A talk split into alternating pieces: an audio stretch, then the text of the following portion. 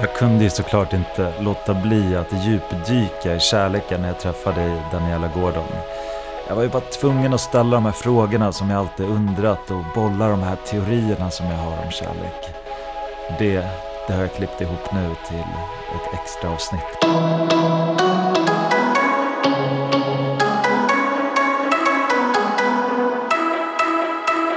Varför är kärlek så svårt? Mm. Ja, det är en väldigt viktig fråga. Varför är det så svårt? Jo, det är så svårt för att kärleken gör oss sårbara. Kärlek kräver sårbarhet. För utan den kan vi inte ta emot och ge den kärlek eh, som, som, som kärleken kräver. Eh, och det här är en paradox. Därför att alla vill ha kärlek. Men samtidigt är vi livrädda för den sårbarhet och nakenhet som kärleken kräver. Kärleken är som en laserstråle. Eh, den tränger igenom alla våra försvar och alla våra masker. Och vad den blottar är då våra rädslor, vår skam och vår sårbarhet.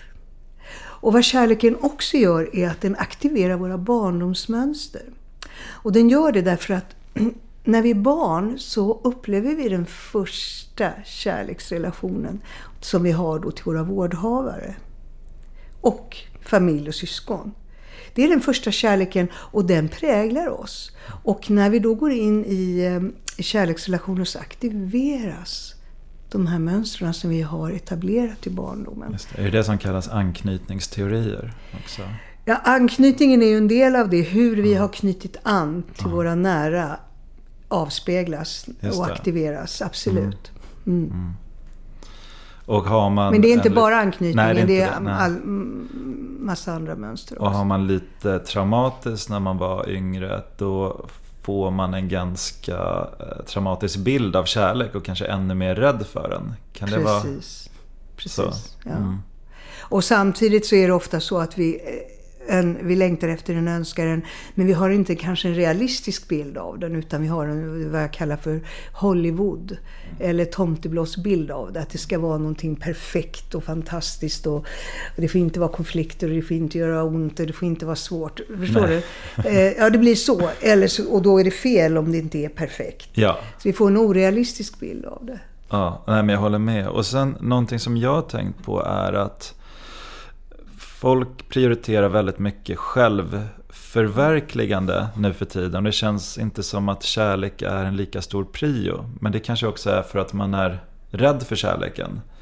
Eh, och den bortprioriteras. Och det gör så att just i Sverige har jag hört att vi har flest singlar i hela världen. Mm. Precis.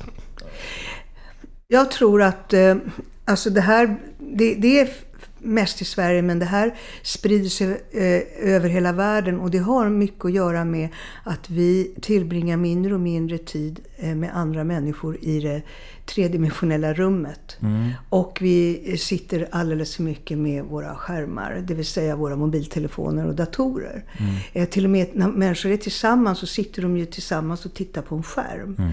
Eh, det är ett faktum som jag har märkt, du vet jag har jobbat med terapi i 40 år och jag märker att Folk ringer inte längre och bokar en tid. De skickar ett sms.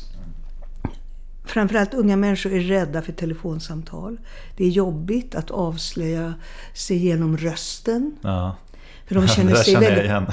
du, till och med du känner igen det. Man känner sig jätteblottad.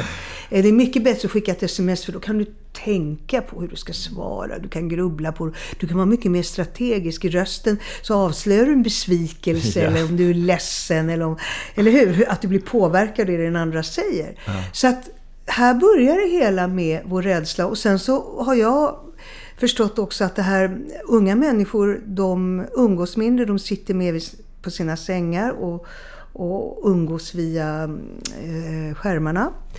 Eh, folk är inte lika intresserade av sex som de har varit innan, de unga människorna. Det är mycket mer, det är lite för intimt, det är lite för mycket dofter och svett och lukter och vätskor. Alltså, vi håller på att bli lite robotiserade tyvärr. Eh, alltså bli modifikation. Ja. Eller hur? Jag förstår. Mm. Ja. Vad är Kärlek på allvar, din bok? Ja, kärlek på allvar, det är en kärlek man inte slarvar med. Det är en kärlek man går in för helhjärtat och det betyder med hela hjärtat. Och för både singlar och par så innebär det här att man inte garderar sig. Man ljuger inte för sig själv eller den andra. Man eh, stänger inte av och man flyr inte. Det innebär att man har djup kontakt med sitt inre och utifrån det uttrycker sina behov. Det innebär att man tillitsfullt öppnar sig för den andra och tar emot den kärlek man får. Eh, I kärlek på allvar så ger man av sig själv istället för att ge bort sig själv. Mm, och det är en kärlek man uttrycker varje dag och aldrig tar för givet. Och i kärlek på allvar så byter vi ut um, rädsla mot tillit och oberoende mot intimitet. Så allt det här är kärlek på allvar. Ja. Jag två, två sådana här äh, grejer som jag har skrivit upp som jag tycker är, som jag brukar återkomma till och tänka på mycket. Det är uh, nummer ett. Uh, love is letting go of fear. Mm. Att bara släppa rädslan för då kan vi känna kärlek. Mm. Och det känns som att det tangerar lite på det som du pratade om där. Mm. Och sen en annan grej är att hellre tillit och bli besviken ibland mm. än att gå runt och inte lita på någon och vara miserabel hela tiden. Och ensam. Mm. Och ensam. Mm. Ja, precis. Och det här som du säger, kärlek och rädsla, det är eh, två motpoler. Visst är det så? Ja. det är två motpoler rent energimässigt. Jag ska ja. förklara. Mm. Därför att rä rädsla är kontraktion mm. och separation. Du drar dig tillbaka och ofta så, så andas du dåligt. Och du drar dig inåt. Kärlek är en expansiv rörelse där du söker du mot den andra människan. Så det är en expansion och rädsla är en kontraktion och separation. Medan kärleken då i den här expansionen också förenar, den vill förena sig med andra. Så det är precis motsatta eh, rörelser som du säger. Vad vill man göra när man blir rädd och eh, drar ihop sig där som du säger? Vad mm. vill man göra då? För man vill skydda ta, sig. Hur, och hur skyddar man sig? Ja, man skyddar sig genom att eh, ta avstånd. Ja. Det är det som är kontraktionen. Flykt. Nej, men nu är jag inte ett med dig längre. Nej. Eller med dig. Jag, jag drar mig tillbaka. Ja. Man, man eh, drar sig inåt, man stänger av. Eh, kroppen, man stänger av känslan, man, man flyr, man kan vända sig och gå. Alltså allt det där är ju att... Eh, allt det där är rädsla. Rädsla gör det därför att det är ganska naturligt. Du vet man tittar på vår hjärna som är 200 000 år gammal så eh, finns det ju två sätt att reagera på när fara kommer. När tigern kommer till exempel. Det är fly eller fäkta. Ja, fly är liksom du springer. Eh, det här är ett sätt att springa på även om du står kvar för att du, du är inte där. Eller du fryser förresten, det är den tredje. Du fryser. Och rädsla är också att frysa fryser till is. Men, men kan man gå eh, till eh, attack om man är rädd också? Om man oh, ja. fight eh, eller flight. Och där, där pratar de om att fly. Men om man går till attack då när man är rädd? Ja, då blir du, blir du den där som skrämd som är jättearg och istället vill övermanna eh, och eh, med din ilska göra motparten rädd. Otroligt många gör det. De hotar ju istället. Att människor som hotar är ofta väldigt rädda. Och det här var så roligt med eh, Marshall eh, Rosenberg som, som grundade Nonviolent Communication. Mm. Ett, ett språk för kärlek och kommunikation. Eh, han berättade nämligen, för jag träffade honom, att han hade varit i Harlem och det var på den här tiden då Harlem var sådär jättefarligt. Du vet. Och han var liksom en liten eh, vit Jewish guy och som går i Harlem och så kommer det en jättestor eh, svart man gåendes mot honom och ser, ser jätte, jätte, jätte hotfull ut och ska skrämma honom. För det var på den tiden var det ju farligt att vara i Harlem för man skulle skydda sina hoods. Och så går han mot och ska hota Marshall, den här mannen. Han är en sån här liten intellektuell man.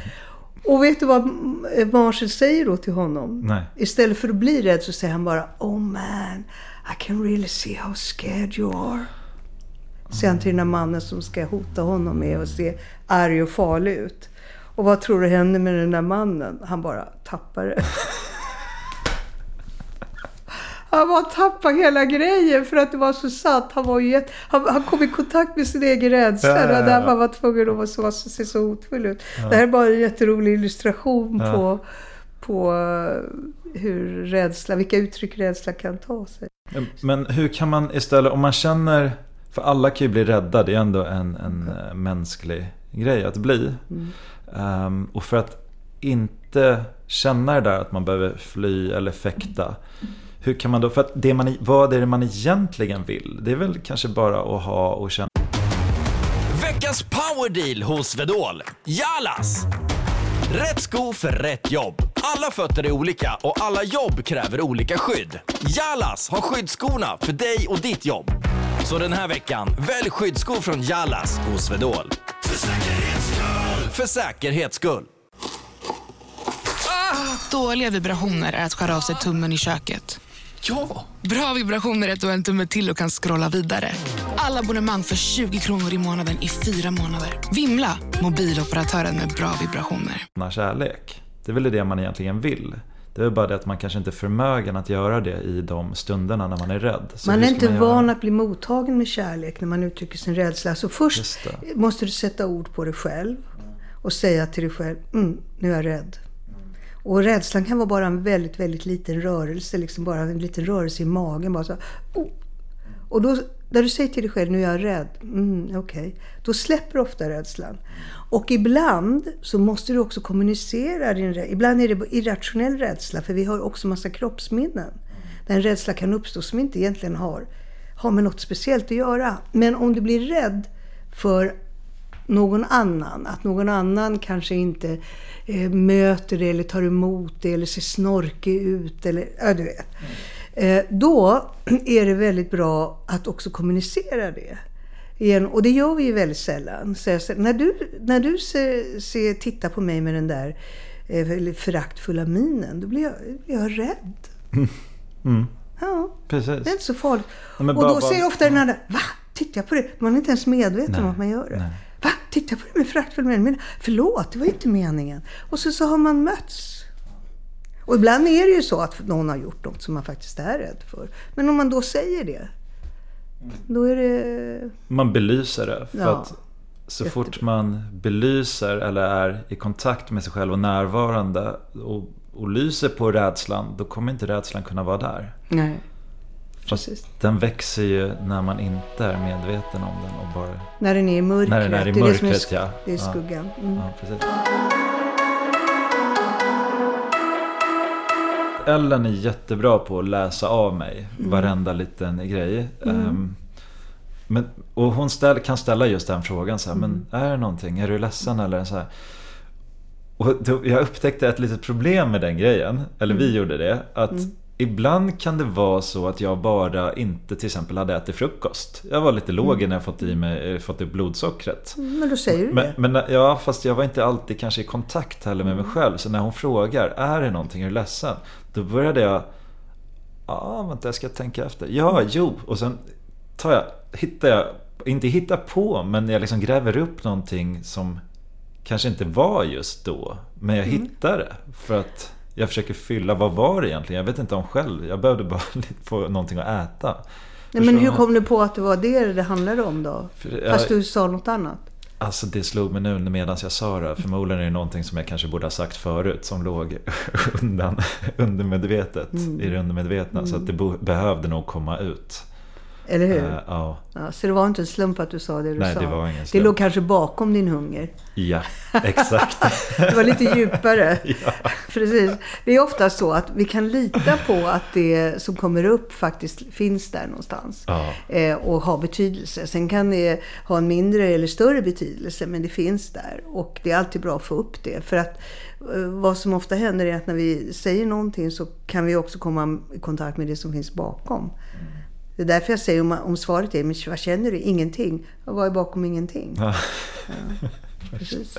Det är och för sig ingenting Vad känner du? Ingenting? Ja, Svarar det är ett folk försvar. så? Ingenting? Oh ja! Aldrig. Men alltså, det händer ju hela tiden i terapi. Ja. Jag känner ingenting. Nej, vad är bakom? Alltså, ja, man, det, man får gräva. Kan man någonsin känna ingenting? Ja, det, ja. Oh ja, det är ju det som är avstängdhet. Det bara är. Okay. Ja. Men, men de har stängt av sig så pass mycket så de på riktigt inte känner någonting? Eller är det att de inte kan sätta ord på sina känslor? Det kan ju vara både och. Men, men vad jag menar är att det finns ju ett, ett känsla av harmoni. Eh, men den är ju då är inte svår. Jag menar, känslorna behöver inte vara gigantiska och stora och varenda gång. Men de kan ju vara ganska lågmälda och subtila. Men om det är så att du, du känner harmoni eh, istället för ingenting, då är det ju skillnad. Det är en grad, för då känner du ett slags välbefinnande. Ingenting är ju mer ingenting. Nej, nej. Och det är ofta en, en avstängdhet. Och, och känner du då efter bakom, vad är bakom ingenting? Ah, men, antingen är jag bara glad eller lycklig eller happy eller ja, välbefinnande eller så. Kan inte jag få ett så här, om du kan komma på något så här bonushack för singlar? För jag tyckte det, för nu har vi haft två för par. Om du kan komma på ett, för du hade ett väldigt bra där för singlar. Jag tycker det var jättebra mm. att man skulle eh, varje morgon eh, förbereda sig och känna känslan. Mm. För att singlar, många har ju till exempel Tinder och såna där grejer och det mm. Jag vet inte, hur, vad tycker du om den? Ja, då är det ju eh, en bra... Ja, ja, Tinder det är ju så man, man ofta dejtar. Eh, då tycker jag eh, att det är jätteviktigt att eh, fråga sig, alltså det är två saker som kom till mig när du ställer den frågan. Vad sätter jag på mig för mask när jag dejtar? Är jag liksom den eh, clownen? Är jag den allvarliga? Är jag den eh, intelligenta?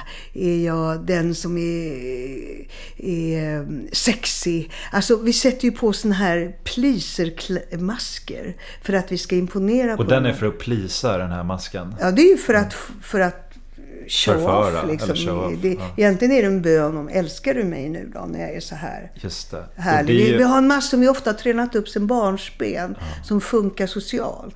Och den, och den och vissa som bara skrattar hela tiden ja. fast de egentligen är ledsna. Alltså ja. de här maskerna. Eh, det, det är väldigt viktigt att, att våga då när man dejtar eh, säga vad det är man verkligen längtar efter på riktigt. Det är det här jag längtar efter i en relation. Det är det här jag vill ha. Eh, istället för att spela spela upp någonting eller vara duktig eller eh, show off. Vi vill ju göra oss ofta härligare än vad vi är. Vi, istället för bara vara avslappnade och, och, berätta vad det är vi längtar efter. Vad är skillnaden på, alltså vad de har gränsen för vad som är ens personlighet och vad som är en mask? Eh, ja, det, alltså, när du är din, ja, din personlighet, då är du mycket mer mångfacetterad. Du visar upp ett mycket större register när du är sann. Mm. När du är masken så är det liksom något, en speciell... Det är därför det heter mask. Persona kallade Jung det för. Eh, att vi har ju ofta masker, vi är likadana. Vi, vi, vi beter oss likadant. Det här känner folk igen. Varje gång man dejtar så är man på ett speciellt sätt. Mm. Man poserar på ett speciellt sätt. Man, så, istället för att eh, bara våga ha och ställa också, våga ställa verkligen intima frågor till den andra. Och våga säg, säga det och våga ta reda på det man vill ha reda på. Det är det ena. Så att det här tror jag är viktigt att ta reda på. Man vet ofta inte om vad man har för mask. Bara, bara den frågan. Vad är, vad är det för mask jag sätter på mig när jag dejtar? Mm. Eller vad är det för mask jag sätter på mig i, i mina relationer och som jag är så rädd ska trilla av mig? För det har jag märkt hos mina klienter. De är ju jätterädda. När jag, jag plockar ju upp deras sårbarhet väldigt snabbt och så säger jag nästa gång du dejtar, var så här. Mm. Oj, oj vad naket, oj vad naket, säger Men det är den där nakenheten. Ja. Man behöver, för jag säger så här, om du inte visar ditt hjärta, då finns det ingenting den andra kan fästa vid. För att den människan ska bli kär i dig så måste ditt hjärta visa sig. För att de ska kunna, deras hjärta ska kunna fästa vid ditt. Mm. Jag har varit i relationer tidigare där jag har haft en mask genom hela relationen. Mm. Alltså när jag var yngre. Och det är extremt påfrestande. Precis. Det tar så mycket energi. Mm. Men det var för att jag var så osäker på mig själv. Vad var din mask? Men jag vågade inte visa mig sårbar. Alltså jag ville vara... För det, det här var eh, när jag var i ett förhållande när jag var 20 år och jag, jag ville vara perfekt. Mm. Det där är en väldigt vanlig mask. Perfekt. Ja, det Jag ville glömde vara jag säga. Mm. perfekt inom, ja, men inom, inom alla områden. Precis. Och det tog så mycket energi. Det var hemskt. Så att jag bestämde, Perfektionsmasken. Ja. ja, så jag bestämde mig där eh, att själv, det här är inte hållbart. Och insåg att jag är långt ifrån perfekt. Och jag, jag, måste, jag måste vara väldigt ärlig och tydlig med det när jag går in i ett förhållande. Ehm, så, så till Ellen kan jag ju vara hur sårbar som helst. Och, och jag märker att ju mer öppen, ärlig och sårbar jag är desto mer öppnar hon sina armar också. Eh, Precis. och det är så mycket mer avslappnat och harmoniskt sätt att vara i ett förhållande. Däremot så vet jag att jag kunde inte vara det när jag dejtade så hade jag svårt att ta bort masken helt eh, fortfarande. För då kunde jag gå in i, innan en dejt och tänka att okej, okej, men vänta så här. Jag ska vara rolig och intelligent nu. För att det är jag. Jag är rolig och intelligent. Och du ser att du bestämmer dig för hur det ska vara. Det är liksom masken. Innan. Det är ju masken ja. Ja, ja. Istället för bara att vara förutsättningslös. Mm. Du möter en annan människa. Vad uppstår i det här mötet? Mm. Det är det sanna mötet. Och att låta det få hända. Precis. Men det gör vi oftast inte. Utan vi bestämmer oss för. Jag ska vara precis så här ska, så här ska jag vara. Vi Ja, och det blir också mycket mer energikrävande hela det mötet, hela den dejten. För du tar inte in den andra. Nej, man är så fokuserad på att vad jag ska projicera för bild av mig själv. Precis. Så jag, Ja. man struntar i den Ja. andra. Det, det Ja. blir ju... Nej. Det blir inte ett riktigt möte. Nej, det blir det blir en, eh, en, eh, vad heter det, en, man visar upp sig. Jag brukar säga det. Vad är det för skillnad på att visa upp sig och att visa sig? Mm, Det är den stora grejen. När du visar dig, då är du intim på riktigt. När du visar upp dig, då är, håller du på att presentera dig själv och din mask. Ja, precis. Väldigt bra tips. Så bort med maskarna. Eh, och jag kan intyga det. Jag har testat leva med mask och jag har testat utan. Och oj vad skönt det är att slippa masken. Ja, härligt. Jag tycker vi har fått med bra och viktiga saker. Nu sa vi det. Jag är jättenöjd. Mm, Jag är också jättenöjd.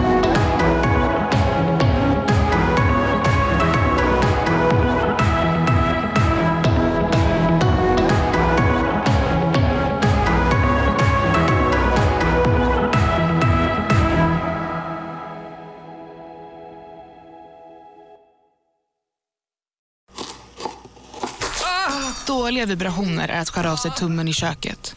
Ja! Bra vibrationer är att du har en tumme till och kan scrolla vidare. Alla abonnemang för 20 kronor i månaden i fyra månader. Vimla! Mobiloperatören med bra vibrationer.